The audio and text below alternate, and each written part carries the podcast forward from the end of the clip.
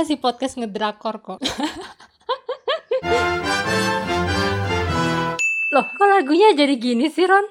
Ini kita di Gunung Jiri apa di Gunung Merapi? Emang gitu tau, kalau lo pikir-pikir tuh cerita Jirisan ini tuh kalau dibuat versi sinetron Indonesia tuh emang kayak gitu pasti jadinya. Misteri Gunung Iya, Berapi. jadi misteri dua dunia gitu. Iya, terus nenek lampirnya siapa? Nenek Gamri. Iyalah Nenek Gamri lah. Kan dia di Maus meninggal.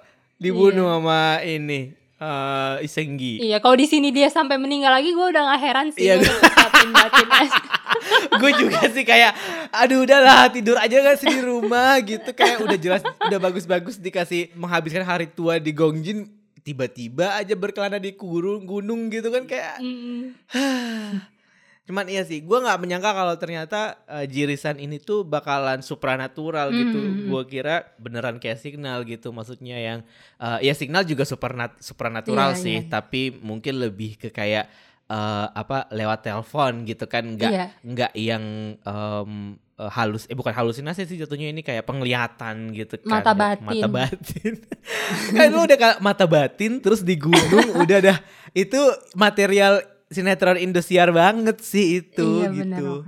Iya sih, gue juga sempat ngerasa gitu. Ini kayaknya agak sedikit lebih absurd ya dibandingkan Signal. Karena kan Signal kan ya ada medianya gitu. Apa eh, si alat komunikasi itu kan jelas Mm-mm. kayak dia bisa berbunyi tiap jam berapa, tiap kapan, durasinya berapa lama. Ini kan kayak tiba-tiba kalau si Hyunjo tuh dapat penglihatan random kan Iya. dan bahkan dia sendiri nggak tahu itu tuh penglihatan punya orang atau penglihatannya dia gitu sampai dia nggak nyadar oh yang waktu di case awal-awal ternyata yang tangan-tangan berdarah itu ya tangan dia yang Iya. bakal mampus di iya situ. iya gue juga ngerasa itu sih kayak loh ternyata dia juga eh, belum menguasai sepenuhnya soal kemampuan ini walaupun kan sebenarnya udah dijelasin sih kenapa dia bisa mendapatkan penglihatan itu dan segala macam ya gue rasa emang Hmm. kayak kesambet pas dia wamil sih kan kesambet pas dia wamil terus emang Iya. jinnya itu ngikut terus sama dia sampai dia balik lagi iya ketempelan gitu kalau gue rasa karena Iya. kalau misalkan dia nggak ketempelan sih anak-anak dukun itu nggak mungkin ngomong kan kayak lo akan mati dan lo akan gentayangan di sini gitu loh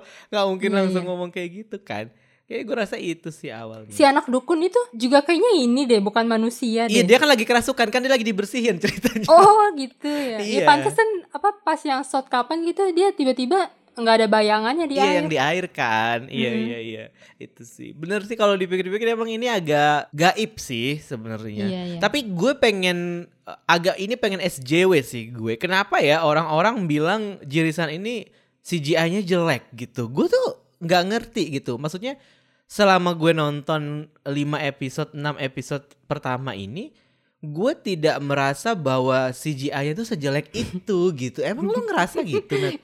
Karena udah terbiasa nonton ini ya apa misteri gunung berapi loh.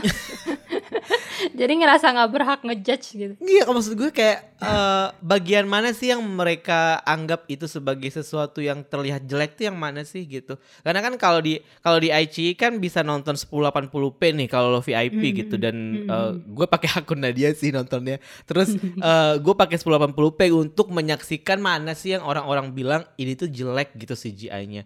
Tapi gue tidak menemukan itu maksudnya tidak menemukan itu sejelek itu gitu. Gue menangkap ada beberapa adegan yang memang oh ya ini yang dimaksud dengan uh, set yang mereka bangun ketika preskon itu kan mereka bilang kayak kita Mhm. bikin set sendiri untuk gunungnya kita juga syuting di gunung yang asli gitu. Dan memang itu terlihat seperti set Iya. gitu tapi nggak jelek sih kalau menurut gue. Nggak yang kayak kasar banget juga enggak gitu. Apa yang membuat orang-orang merasa bahwa ini tuh jelek padahal kalau lo nonton Sweet Home menurut gue Sweet Home monsternya lebih jelek loh daripada CGI ini menurut lo kenapa orang-orang merasa itu jelek Hmm, mungkin karena ekspektasi kali ya. Secara nama-nama orang di balik layarnya kan wah banget gitu kan. Terus Hmm. pemeran utamanya juga semuanya terkenal. Terus terlebih lagi ini kan katanya drama keempat yang biayanya tuh paling tinggi gitu Hmm. sepanjang sejarah di sana. Terus mungkin mereka kayak ngarepnya yang bener-bener terasa real gitu. Gue sih sempet ngeh kayak ada beberapa, iya iya bukan jelek, cuman kayak mungkin berasa kayak bukan di beneran gunung gitu kayak agak-agak semi mimpi dunia Iya, iya, goib iya, yang iya. gitu-gitu loh yang Iya, kayak as- bener. asap yang gitu cuman gue kayak ya udah gitu maklumin aja nggak mungkin juga kan mereka ngambil semua set seluruh drama ini di tempat asli kan gila aja gitu. Jadi gue mau memaafkan sih. Iya, gue juga pada akhirnya kayak pas nonton enggak sebenarnya itu enggak sejelek itu sih dan itu kan juga close up close up shot gitu kan yang mereka bikin yang Hmm. kayak waktu di puncak terus pas di eh, adegan si Gominsi ketemu eh, roh hitam itu dan segala macam kan kayak Hmm. emang emang kalau secara kalau di kalau kita nonton tuh kita tahu oh ini yang ini yang eh, enggak syuting di tempat yang benerannya Mm-mm, gitu mm-mm. tapi nggak membuat gue merasa bahwa anjir jirisan CGI-nya jelek banget. Enggak tahu kalau menurut gue kayak enggak tuh biasa aja nggak tahu kenapa ya. Ini makanya gue bilang gue mau SJW sih karena kayak gue Iya, iya. kadang-kadang kesel gitu sama orang yang kayak ya ini lo bilang jelek gitu tapi kayak nggak juga membuat lo merasa terganggu sih sebenarnya kalau menurut gue personally gitu. Mhm. Karena ketika gue nonton Sweet Home pun kayak justru itu yang lebih terasa sangat mengganggu karena itu objeknya beneran monsternya gitu, monsternya yang yang CGI-nya itu nggak bagus menurut gue dan itu yang membuat gue jadi kayak ya kok gitu. Tapi kalau yang ini malah oke gitu masih masih bisa ditelan lah gitu, nggak nggak yang sampai nggak mau nonton ah karena CGI-nya jelek. Anjir lebay banget gak orang-orang apaan sih? Gitu kayak gila. Lu ngerti maksudnya. Tapi ini selera sih ini selera sih. Bebas aja kalau orang mau mikir kayak gitu. Tapi kayak menurut gue ini oke aja sih bukan yang jelek juga gitu. apa ya gue tidak terlalu terganggu sih dengan hal-hal teknis yang kayak gitu. Justru gue lebih kayak fokus ke ceritanya aja gitu. Justru dibandingkan gue kesel sama CGI-nya gue lebih kesel waktu si Hyunjo ini loh yang pas tragedi bom kentang kan belum jelas tuh. Maksudnya eh si Ikang tuh udah ngomong tar dulu tunggu bukti nggak bakal ada yang percaya gitu. Eh tahu-tahu si Hyunjo langsung datengin ke si rumah pelaku itu Iya, bilang iya. kamu kan pelakunya. Iya iya karena dia tuh gak punya bukti apa-apa. Iya, itu iya. kayak gak pernah nonton drama detektif atau gimana sih? Gue gak ngerti. Masalahnya kan gara-gara dia si pelaku ini kan jadi punya kesempatan untuk eh kita ketahuan nih ayo hapus barang bukti atau Iya, gimana nih iya, rencana selanjutnya gara-gara dia nyari perkara gue rasa itu yang membuat si karakter ini tuh jadi nggak perfect gitu loh Hmm, karena iya, iya. kan sering kali karakter cowok di drama Korea itu kan penggambarannya itu selalu perfect kan sebenarnya pintar Iya yang pinter yang harus kayak tanggap dan segala macam. Maksudnya di satu sisi memang si Hyunju emang kayak gitu gitu. Maksudnya ketika dia sedang beraksi itu dia menyelamatkan di tep- waktu yang tepat gitu misalnya atau dia memberikan memberikan eh, petunjuk di saat yang tepat gitu. Tapi ya itu eh, salah satu flow-nya menurut gue adalah ya dia terburu-buru gitu. Dan mungkin karena basicnya dia baru keluar dari Wamil juga kali ya Nat ya. Hmm. Makanya ketika lo bilang dia nggak pernah nonton drama detektif, iya soalnya dia Wamil. ya sih ya. Oke gue maafkan. Tapi lu ngerasa gak sih karakter si eh, Jun Ji Hyun sama Ju Ji Hoon di sini tuh persis banget sama dua karakter yang di Signal yang senior sama junior terus Iya, eh, bagaimana si juniornya dapat penglihatan senior yang nggak percaya sampai akhirnya nanti dia eh, juniornya tersak apa sakit. Dia baru yang sadar oh ternyata ini yang bener ternyata gitu. Ya nggak sih? Lu ngerasa gak sih? Iya iya. Iya, gue juga ngerasa kayak vibe-nya tuh eh, mirip-mirip ya. Gue jadi inget waktu di Signal tuh gue sedih banget gitu waktu akhirnya iya sih apa yang gue harapkan bahwa yang polisi satu lagi di masa lalu akhirnya ya udah kan dia nggak akan bisa kembali ke masa sekarang kan. Mm-mm. Terus gue berharap sih si Hyunjo di sini bisa selamat ya nggak cuman jadi hantu yang ya udah dia udah selesai membantu perkara dia pergi dengan tenang. Gue sih nggak sanggup ya kalau misalkan dia pergi kayak gitu Tapi gue curiganya emang kayak gitu sih, karena kalau misalkan nggak kayak gitu, ya nggak ada jadinya nggak cerita Monjiri dong, karena kan eh, yang sebenarnya ditekankan di sini kan memang unsur mistisnya itu kan, eh, gimana banyak orang mati di situ, banyak banyak hantu di situ, dan kemudian si penulis skenario nya mengambil salah satu konsep atau ide hantu itu sebagai pemeran utama untuk memberikan petunjuk soal misteri-misteri yang sudah terjadi gitu. Gua rasa kalau gue melihatnya nanti di ending ya si Hyunju ini akan mati gitu.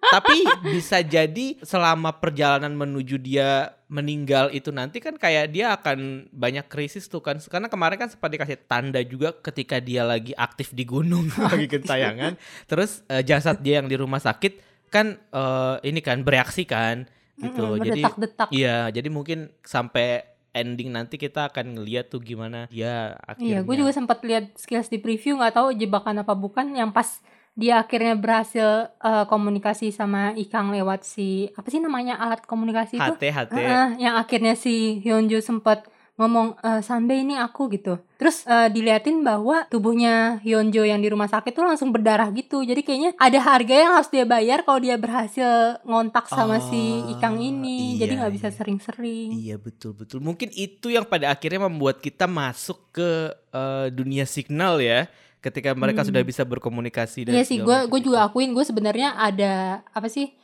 kayak tebakan iya sih kayaknya si Hyunjo ini bakal kayak nasib si siapa sih yang dibilang sama si dukun kecil itu bahwa ya kamu ditakdirkan akan terus berkelana di gunung ini walaupun kamu nanti udah mati terus kayak oke okay, ini adalah cerita asal mula bagaimana bagaimana hantu gunung lahir.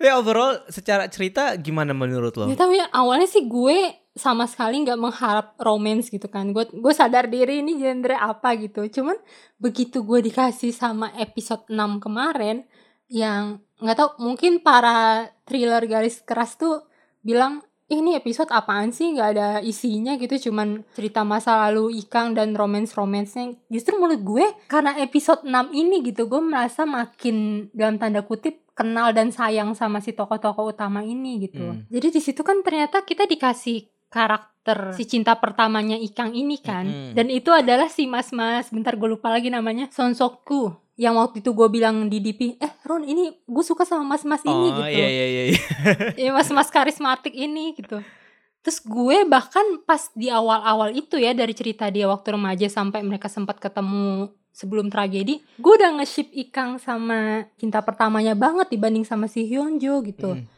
Eh cuman ternyata dia udah punya istri sialan iya. banget gue. Ekspresi lo pasti sama kayak waktu si uh, Ikang denger pas dia bilang dia punya istri langsung langsung ngeremes gelas. iya langsung lempar air gitu kan.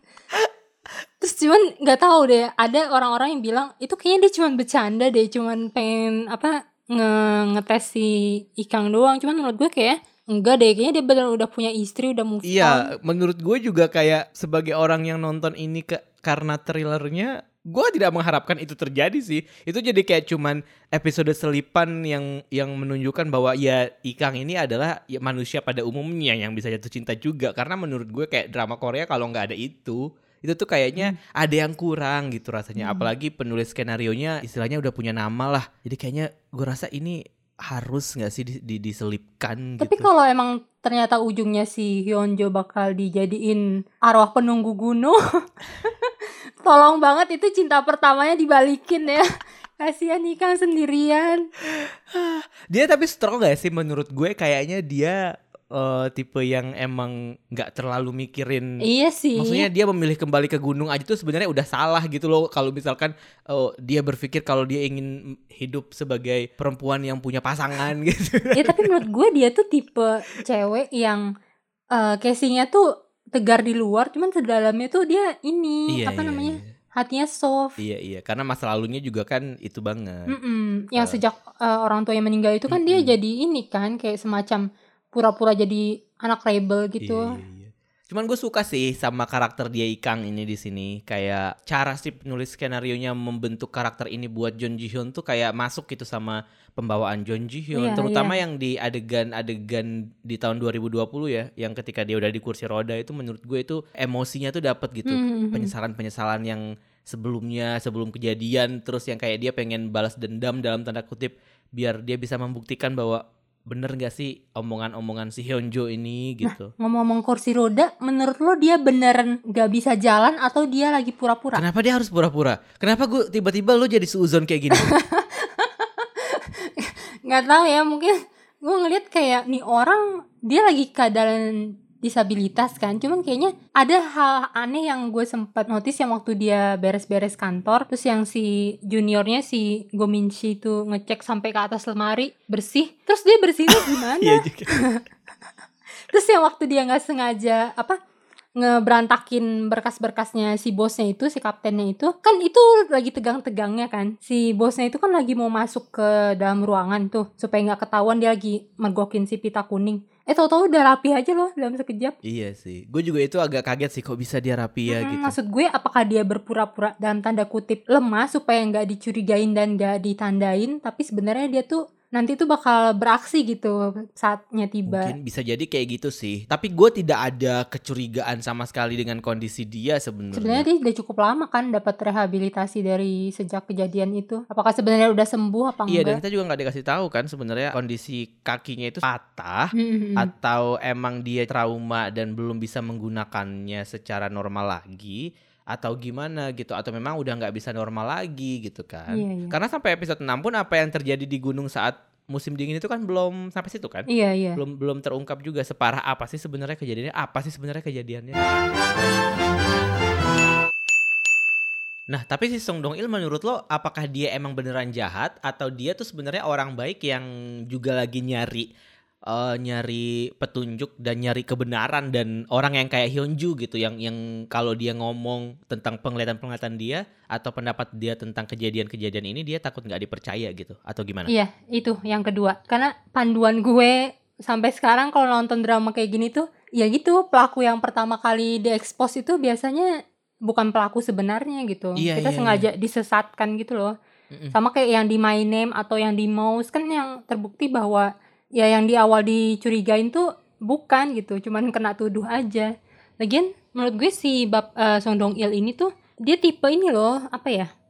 Dia tuh kayak masih menyimpan penyesalan juga atas tragedi bencana alam banjir yang newasin si siapa? Orang tuanya si Ikang gitu. Oh. Menurut gue Song Dong Il ini bos yang baik gitu loh. Soalnya kan pertama dia tuh kayak ini loh si bapak polisi di My Name. Dia emang mau ngerekrut orang tuh yang berskill, yang punya rasa cinta sama gunung gitu. Apalagi kan waktu di episode 6 tuh kita dilihat tuh proses awal waktu si Ikang interview buat jadi ranger. Di situ gue bisa ngeliat banget sih kalau Song Dong Il ini sebenarnya bapak-bapak yang baik itu. Cuman kenapa pas banget dia day off ada tragedi menurut gue kayaknya sengaja dari sisi si pelakunya ini loh. Berarti pelakunya juga orang dalam berarti. Mm-mm. Hmm, yang yang tahu segala sesuatu yang terjadi di situ gitu ya. Jadi dia kayaknya sengaja mapasin waktu gitu loh, kayak oh ini pas lagi si bosnya lagi nggak ada nih biar nggak riwah, gue bergerak sekarang kayak gitu. Gue tuh awalnya sempat yang kegocek gara-gara si Song Dong Il ini. Gue sempat kegocek dan berpikir bahwa dia adalah orang jahat gitu.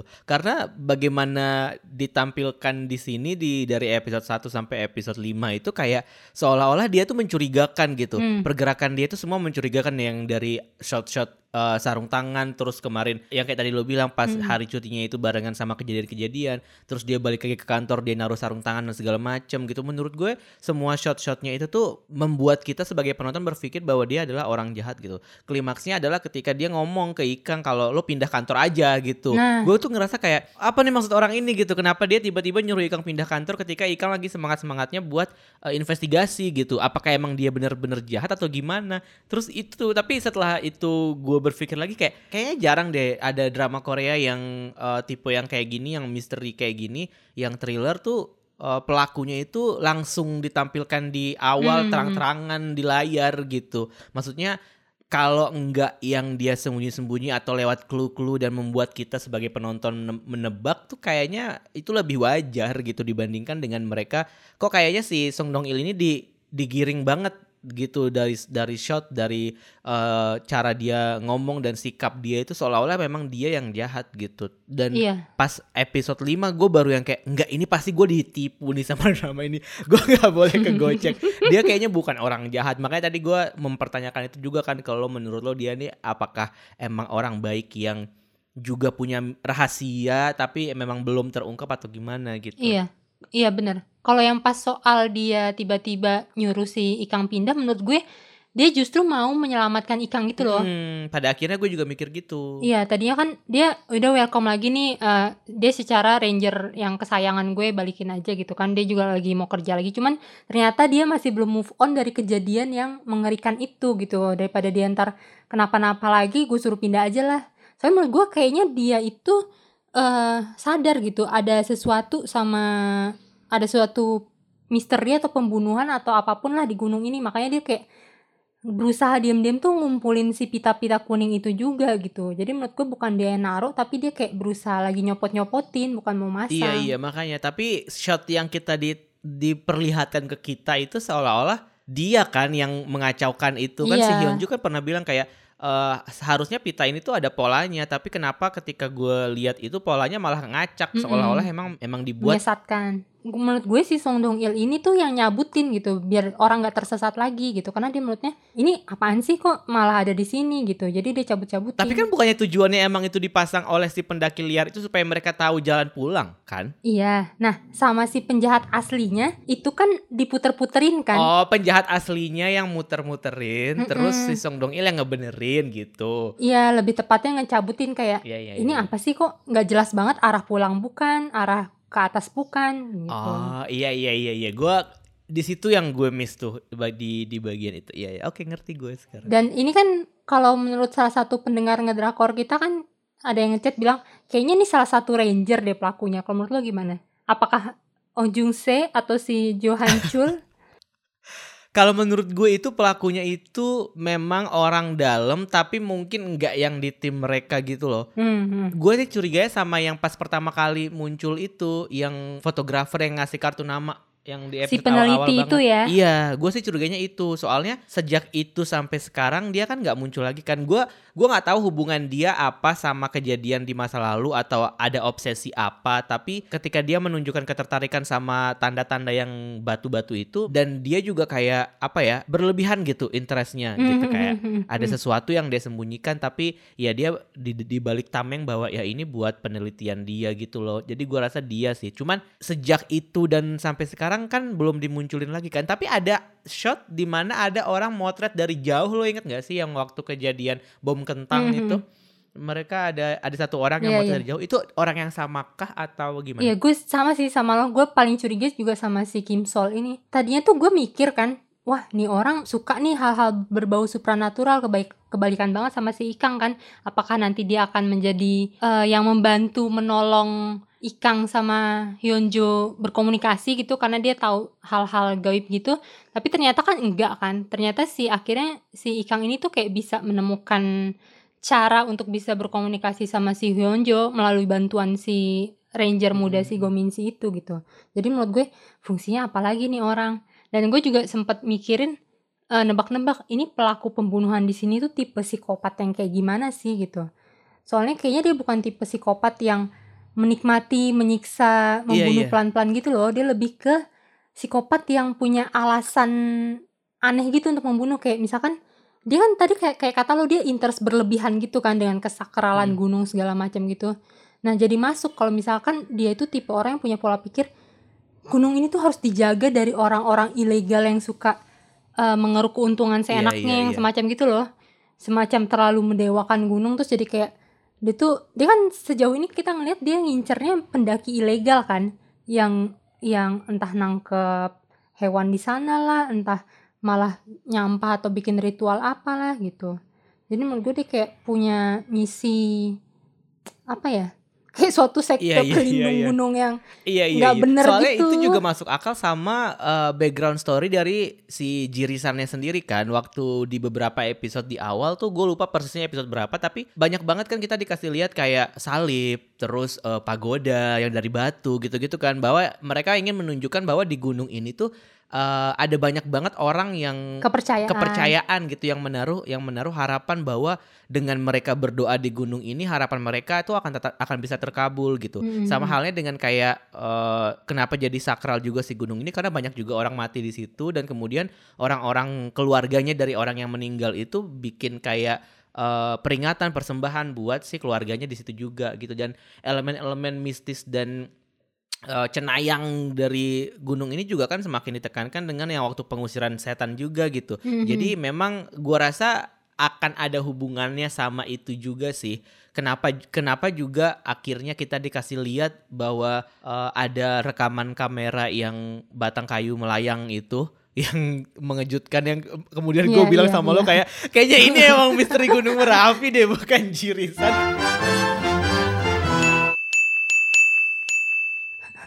itu kayak ya ya, ya sebenarnya ke di ya itu yang ingin dibawa tuh ala- arahnya tuh ke situ gitu bahwa ada orang yang bener merasa bahwa ini tuh gunung sangat suci dan sakral. Kalau kalau manusia kotor masuk ke sini tuh akan merusak kesucian itu. Dan gua rasa memang dia adalah salah satu bagian dari sekte itu sih gua rasa. Dan itu ya itu yang jadi eh, iya itu kayak tadi lo bilang kalau psikopat yang biasanya emang membunuh karena emang dia pengen ngebunuh aja. Kalau ini dia membunuh dengan dalih bahwa ya ini gue ngebunuh untuk sesuatu yang lebih baik gitu untuk greater good bahwa bahwa gunung ini memang harus dilindungi gitu Mhm. Dan gue juga curiga tuh sama si bos yang paling bosnya lagi. Gue sering nih lihat muka bapak ini, tapi masa sih dia cuman jadi eh, atasan besar yang muncul cuman ngasih tahu, udah kalian pulang sama habis itu bertanggung jawab sama yang tragedi bapak-bapak yang kena bom potato itu.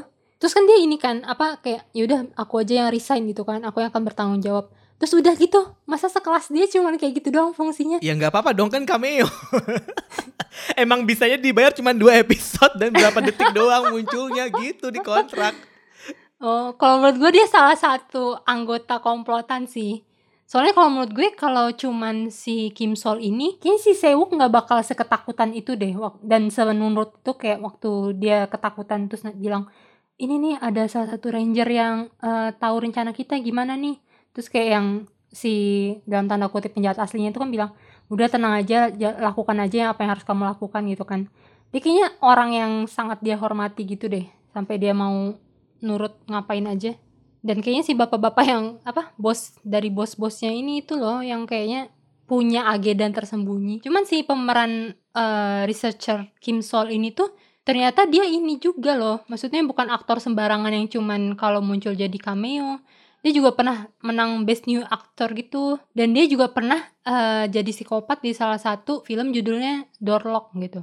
Dan menurut gue bukan gak mungkin lagi kan kalau dia di sini juga jadi eh, Bisa pembunuh jadi, aneh gitu. Tapi memang itu tadi sih bisa jadi juga emang cuman sekedar cameo juga kan. Makanya mereka tuh bagus gitu ngemas eh, misterinya gitu. Iya iya banyak cameo Iya, ya. seolah-olah cameo ini kayak kesannya cuman cameo aja karena kan sering kali drama Korea kan gitu kan. Tiba-tiba ini muncul ya cuma ya udah cuman cameo aja gitu. nggak ada nggak ada yang penting gitu. Tapi di sini mereka Mm, kayak eh, mengemas kemunculan cameo-nya itu seolah-olah emang jadi penting gitu. Sama kayak Squid Game Iya. eh, Lee Byung Hun aja menurut gue ya kayak ya orang yang dibalik topeng itu selama 8 episode belum tentu dia kan, tapi kemunculan dia cuman di akhir doang gitu maksud Iya, gue. iya.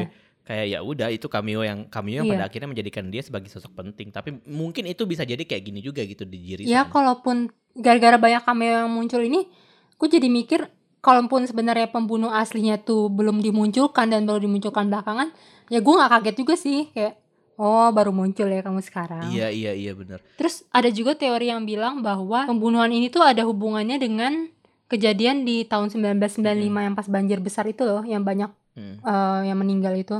Dan ini kayak pelakunya tuh keluarga korban yang sakit hati gitu loh sama pendaki-pendaki ilegal yang bikin banyak ranger dan yang lainnya tuh jadi susah nolongin dan malah ikut meninggal gitu. Cuman gue masih lebih kuat ke ini sih kepercayaan yang sesat itu sih. Dan menurut gue itu akan lebih seru gak sih? Iya, Maksudnya iya. sekal- ka- dari awal kan vibe-nya emang udah tadi itu kan misteri dua dunia itu kan gitu. Mistis. Kalau misalkan dibawanya ke situ juga gue nggak komplain sih maksud gue Iya, kayak iya. gue merasakan banget bahwa scriptwriternya itu memang pengen mengemphasize tentang misteri itu tentang Mhm, mistisnya mhm. Jirisan ini waktu presscon juga pas presscon pertama dia juga baka- beberapa kali bilang itu kan soal Jirisan tuh indah tapi ada banyak misteri di dalamnya yang pengen dia explore gitu. Iya, iya. Dan satu hal yang gue suka dari bagaimana penulis skenario ini mempertahankan legacy dia si Kim Eun Hee sebagai penulis skenario terbaik di drama Korea gitu. Bagaimana ketika awal mereka menceritakan kegiatan si rangernya ini tuh nggak menye gitu loh.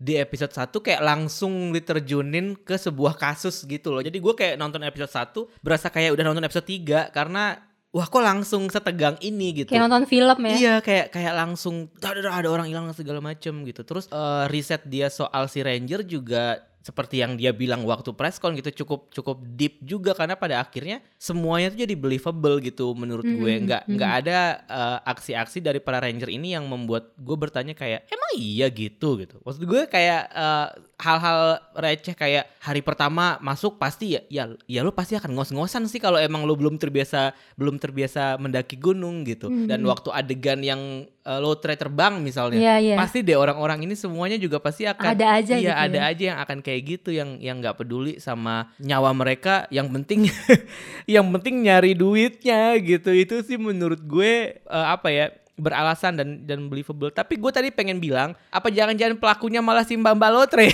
oh iya iya benar gue juga sempet apa menaruh curiga sih ke dia karena dia kayak loh nih mbak mbak lotre masih dimunculin aja yang pas dia sama si Hyunjo itu kan ketemu kan Iya. dan dia kan sebelumnya bilang dia tuh mengisyaratkan bahwa dia tuh nggak punya uang kan tapi kalau kata si Hyunjo dia sampai menghabiskan uang banyak kan eh, untuk nyari itu. Tapi kayaknya masa sih cuma untuk mencari apakah karena dia tiba-tiba mendapat job lain gitu kayak kamu harus ini gitu. Nah iya itu maksud gue kayak ketika dia nyari terus dia merasa kayak ketemu sama si pelaku yang Mm-mm. sebenarnya terus ternyata dia Direkrut. diiming-imingi direkrut. gitu. Ya udah sambil lo nyari gimana kalau misalkan lo sambil ngebunuh gitu misalnya kan? Mm, sambil naruh jebakan. Sambil naruh jebakan gitu naruh misalnya. Yakult. Iya naruh Yakult. Itu sih iya bener sih itu. Nggak mungkin gak sih kayak cuman receh doang dia nyantumin adegan kertas terbang terus udah gitu dan maksud gue kemungkinan lo untuk menemukan kertas lotre di gunung seluas itu tuh kan kayak nyari jarum di Mm-mm. tumpukan jerami ya kayak sampai 2031 juga sampai itu kertas udah abis dimakan zaman juga udah kayak nggak ketemu kayaknya Mm. gitu maksud gue Iya dan kayaknya waktu dia ketemu si Hyunjo itu eh, posisinya kayak lagi di agak atas-atas gitu deh maksud gue kalau lagi nyari barang hilang dan waktu itu terbang ke bawah dia ngapain ke atas-atas lagi gitu kayak ini mencurigakan banget mbak mbak ini Iya, pokoknya karena terbangnya kan juga kayak di pelataran pas baru masuk gak sih? Ya udah berhari-hari sih, mungkin bisa jadi menurut dia, oh mungkin sudah ke puncak gitu. udah berhari-hari berbulan-bulan gitu gue malah mikirnya udah hancur kali kena hujan Iya, gue juga udah hujan kali, Iya. udah luntur kertas. terlebih lagi si Sewuk ini kan sa- salah satu kerocok kaki tangannya udah ini nih udah nggak bisa dimanfaatkan lagi nih udah metong kayaknya dia butuh ya gitu merekrut bawahan Iya lain sih, gue merasa pelakunya ini memang mem- memanfaatkan orang-orang yang lemah sih, kayak si eh, Seuk juga kan kondisinya memang kayak ada sesuatu yang dia sesali gitu dalam hidup atau Mm-mm. dia merasa dia tidak sukses atau gimana nggak tahu pokoknya dia kondi- kondisinya adalah orang yang vulnerable aja gitu yang lagi rentan aja sama juga kayak si Mbak Mbak Lotre ini gue rasa memang lagi rentan aja akhirnya dia bisa direkrut lah nih masuk ke eh, sindikat sekte penyembahan Tapi gue masih agak penasaran sih alasan si Sewuk ini tuh pengen ngebunuh yang Sun sepupunya. Masalahnya kan dia bukan eh, pendaki ilegal, dia bukan saksi mata yang harus dimusnahkan. Terus kenapa dia pengen dibunuh gitu? Apakah dendam pribadi atau gimana? Iya dan kenapa pada akhirnya targetnya malah si Hyunju setelah itu batal akhirnya Hyunju Iya, itu iya. juga sih gue yang kayak gue harus nonton deh episode selanjutnya itu si uh, Iya. cliffhangernya tuh dapat banget di bagian itu sih sebenarnya kenapa akhirnya Hyunju yang yang ditargetin gitu Eh, apakah karena emang si orang ini merasa bahwa dia sudah mulai terancam Iya. karena si Hyunju memang tujuannya untuk mem- memecahkan misteri itu atau Iya, gimana kayaknya gitu si Hyunjo ya gitu karena dia tuh terlalu gegabah gitu loh. iya iya iya iya iya Meng, meng- apa sih tiba-tiba nyeruduk kamu kan kamu kan gitu. terus kayak oh nih orang bahaya nih.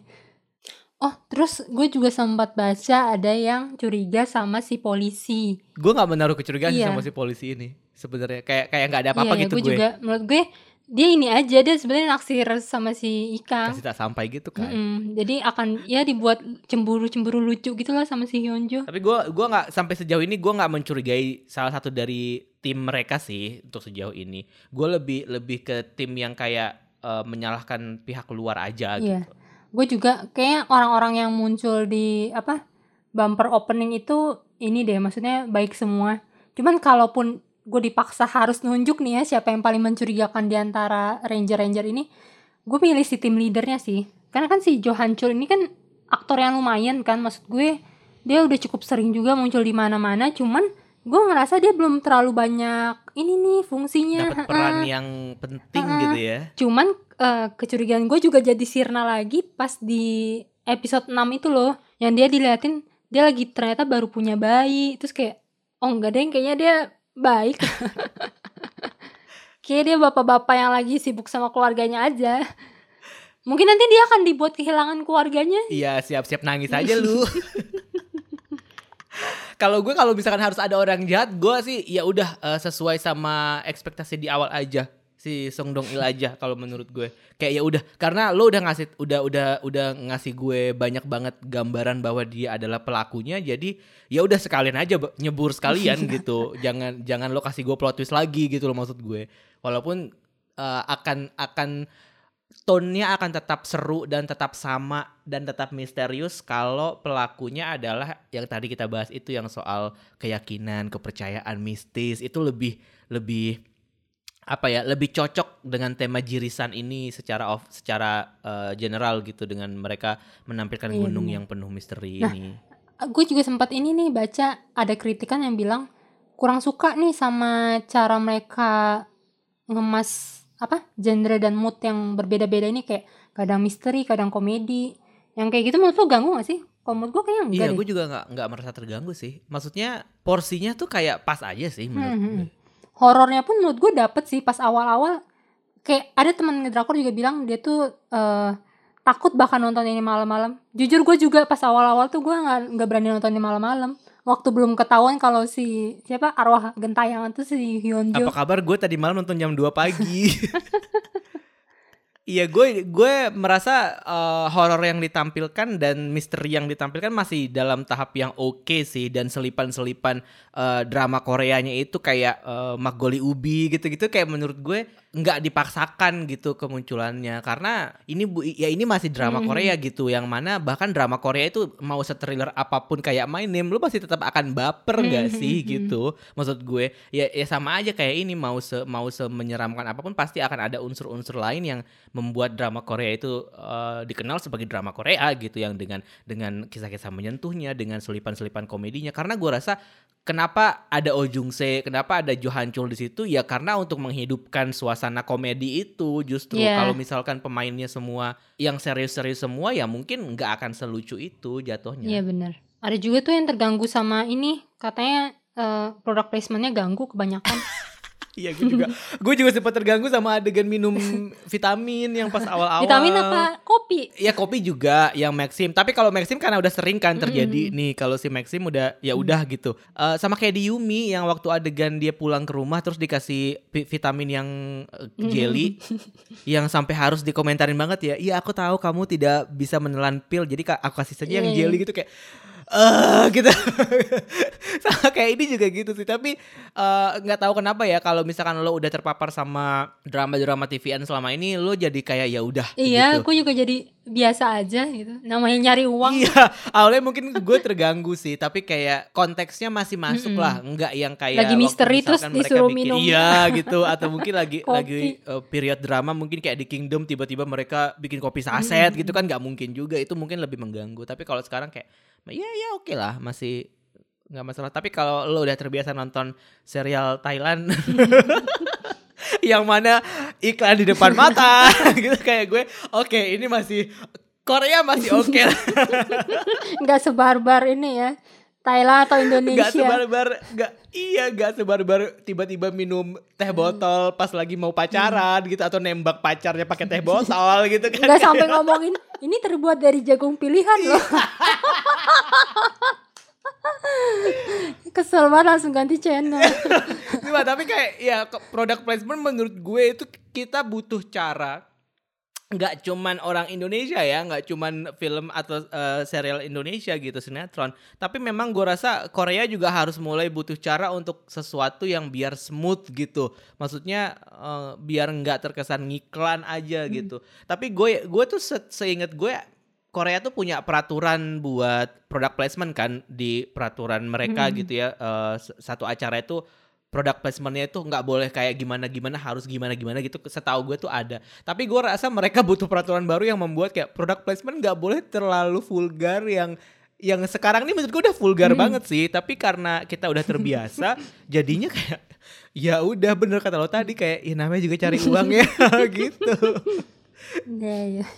Tapi sebagai orang yang nonton di platform berbayar menurut gue itu jadi nggak fair sih. Karena kayak kita kan udah berbayar nih misalnya eh, udah udah udah udah udah langganan Netflix gitu misalnya atau langganan iQIYI gitu misalnya. Eh tetap aja kita harus dapat product placement ini juga gitu. Menurut gue itu agak nggak agak nggak fair sih sebenarnya. Tapi ya balik lagi karena itu memang memang sudah bagian dari cerita Hmm. gitu kan kan nggak mungkin di dihapus juga kan pada akhirnya. Mungkin karena ini bukan eh maksud gue ini juga tayang di TV kabel atau TV, TV lokal mereka Iya gitu. Jadi untuk orang-orang yang apa nggak sempat bayar, rasakan ini kalian bayar dengan product placement. iya, maksud gue eh, memang kan ini kan drama TVN Iya. yang mana tayang di TVN gitu kalau di Korea gitu. Tapi untuk penonton internasional ya tayangnya di ICI gitu maksud gue. Ya eh, mereka juga nggak mungkin repot-repot gak sih mengganti iya adegan ngedit eh, ngedit atau memotong adegan ini demi penonton internasional yang sudah berbayar gitu maksud gue kayak ya nggak akan sampai pikiran ke situ juga. Tapi ya memang gue merasa sebenarnya nggak cuma jirisan sih. Gue gua nggak nggak setuju aja kalau semua tiba-tiba tuh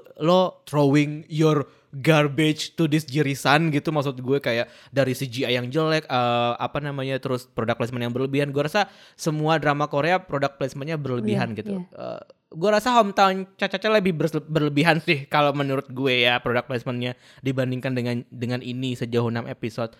Tapi overall semua drama Korea itu memang udah udah ya udah gitu udah udah iklannya pasti akan akan langsung depan mata lo gitu. Jadi ya udah bukan sesuatu yang untuk di diinin lagi nggak sih? Bukan untuk sesuatu yang untuk dikomentar lagi nggak sih? Soalnya nih awalnya waktu waktu Kopiko muncul di Vincenzo itu mungkin kayak wah Kopiko gitu kan masih yang kayak keren banget bangga. tapi setelah itu semuanya masang Kopiko gitu kan kayak lah sejak kapan ini Iya. jadi eh, Kopiko udah ngeblok semua drama Korea TVN gini gitu menurut gue dan itu jadi sesuatu yang udah nggak nggak nggak nggak istimewa Hmm. lagi gitu jadinya awalnya kita kan kayak seru gitu ya ngelihat oh ada produk Indonesia gitu kan kayak seneng Hmm. gitu ya. Wah ya seru ya. Tapi setelah itu wah Kopiko semua gitu kan banyak kayak ya uangnya. Iya makanya sampai dikomentarin kan sama pemainnya kayak iya kalau lo makan ini lo nggak perlu ngopi lagi lo kayak nggak Iya, iya. penting bodoh amat. Ya itu maksud gue gitu. Semua drama Korea itu udah se udah sevulgar Iya, itu iya. loh eh, iklannya. Jadi jangan lo cuman merasa bahwa si jirisan ini doang gitu. Iya nggak adil sih. Maaf SJW ya guys. Tapi ya itu kejujuran yang harus saya berikan Iya benar. Terlepas dari apa pun kekurangannya, menurut gue jirisan ini tuh masih sangat menjanjikan sih. Gue masih sangat Iya. menantikan gitu. Jujur awal-awal episode gue juga emang masih belum terlalu terikat kok. Cuman makin gue tonton, apalagi puncaknya di episode 6 kemarin, gue sekarang udah ngerasa, oh nggak bisa nih gue harus ngikutin mereka, gue harus mencari mereka endingnya bahagia apa enggak gitu. skripnya berhasil menurut gue saudaranya berhasil eh, buat buat bikin gue menganalisa bertanya-tanya Iya. gitu loh kadang-kadang kan ada ada ada orang yang bakalan nonton terus kayak ya kok mistis gitu abis itu Mm-mm. udah gitu gue juga mempertanyakan hal yang sama gitu kayak loh kok mistis kok kok jadi kayak kita ngecengin banget gitu di awal tadi kayak ini Indosiar banget Mm-mm. gitu jadi ceritanya tapi gimana mereka menampilkan misterinya itu justru yang yang bikin gue jadi pengen tetap cari tahu Iya, gitu. dan yang juga bikin gue kepikiran adalah apakah arwah dalam tanda kutip arwah gentayangan ini cuman si Hyunjo gitu kan? Secara dari awal kita dibilang dari dulu di sini udah banyak yang meninggal gitu kan dari zaman perang. Apakah nanti akan ada keluar eh, penunggu sebelumnya lagi atau gimana? Gue menantikan itu sih. Masa sih cuman si Hyunjo yang jalan-jalan di gunung seluas ini? Soalnya nggak masuk akal juga sih kalau misalkan cuman satu Ji ininya Mm-mm. jinnya yang ngisi soundtrack. Harus ada jin-jin yang lain kan di gunung. Aduh, Jin. Terus ada lagi nggak hal yang bikin lo overthinking? Nggak ada sih. Gue cuma overthinking sama hidup gue aja sih. tetap ya di Korea ini gak sih ada ibu-ibu penjual Yakult gitu kayak di Indonesia? yang door to door gitu ya. Heeh. Ka- kayaknya nggak ada deh. Kayaknya nggak ada nggak sih? Kayaknya nggak ada Oh deh. gitu. Eh, syukur lah. Gue sempat kepikiran gara-gara ini ntar takutnya penjualan ibu-ibu Yakult itu jadi menurun. Kalian takut diracuni ya. iya. Thank you.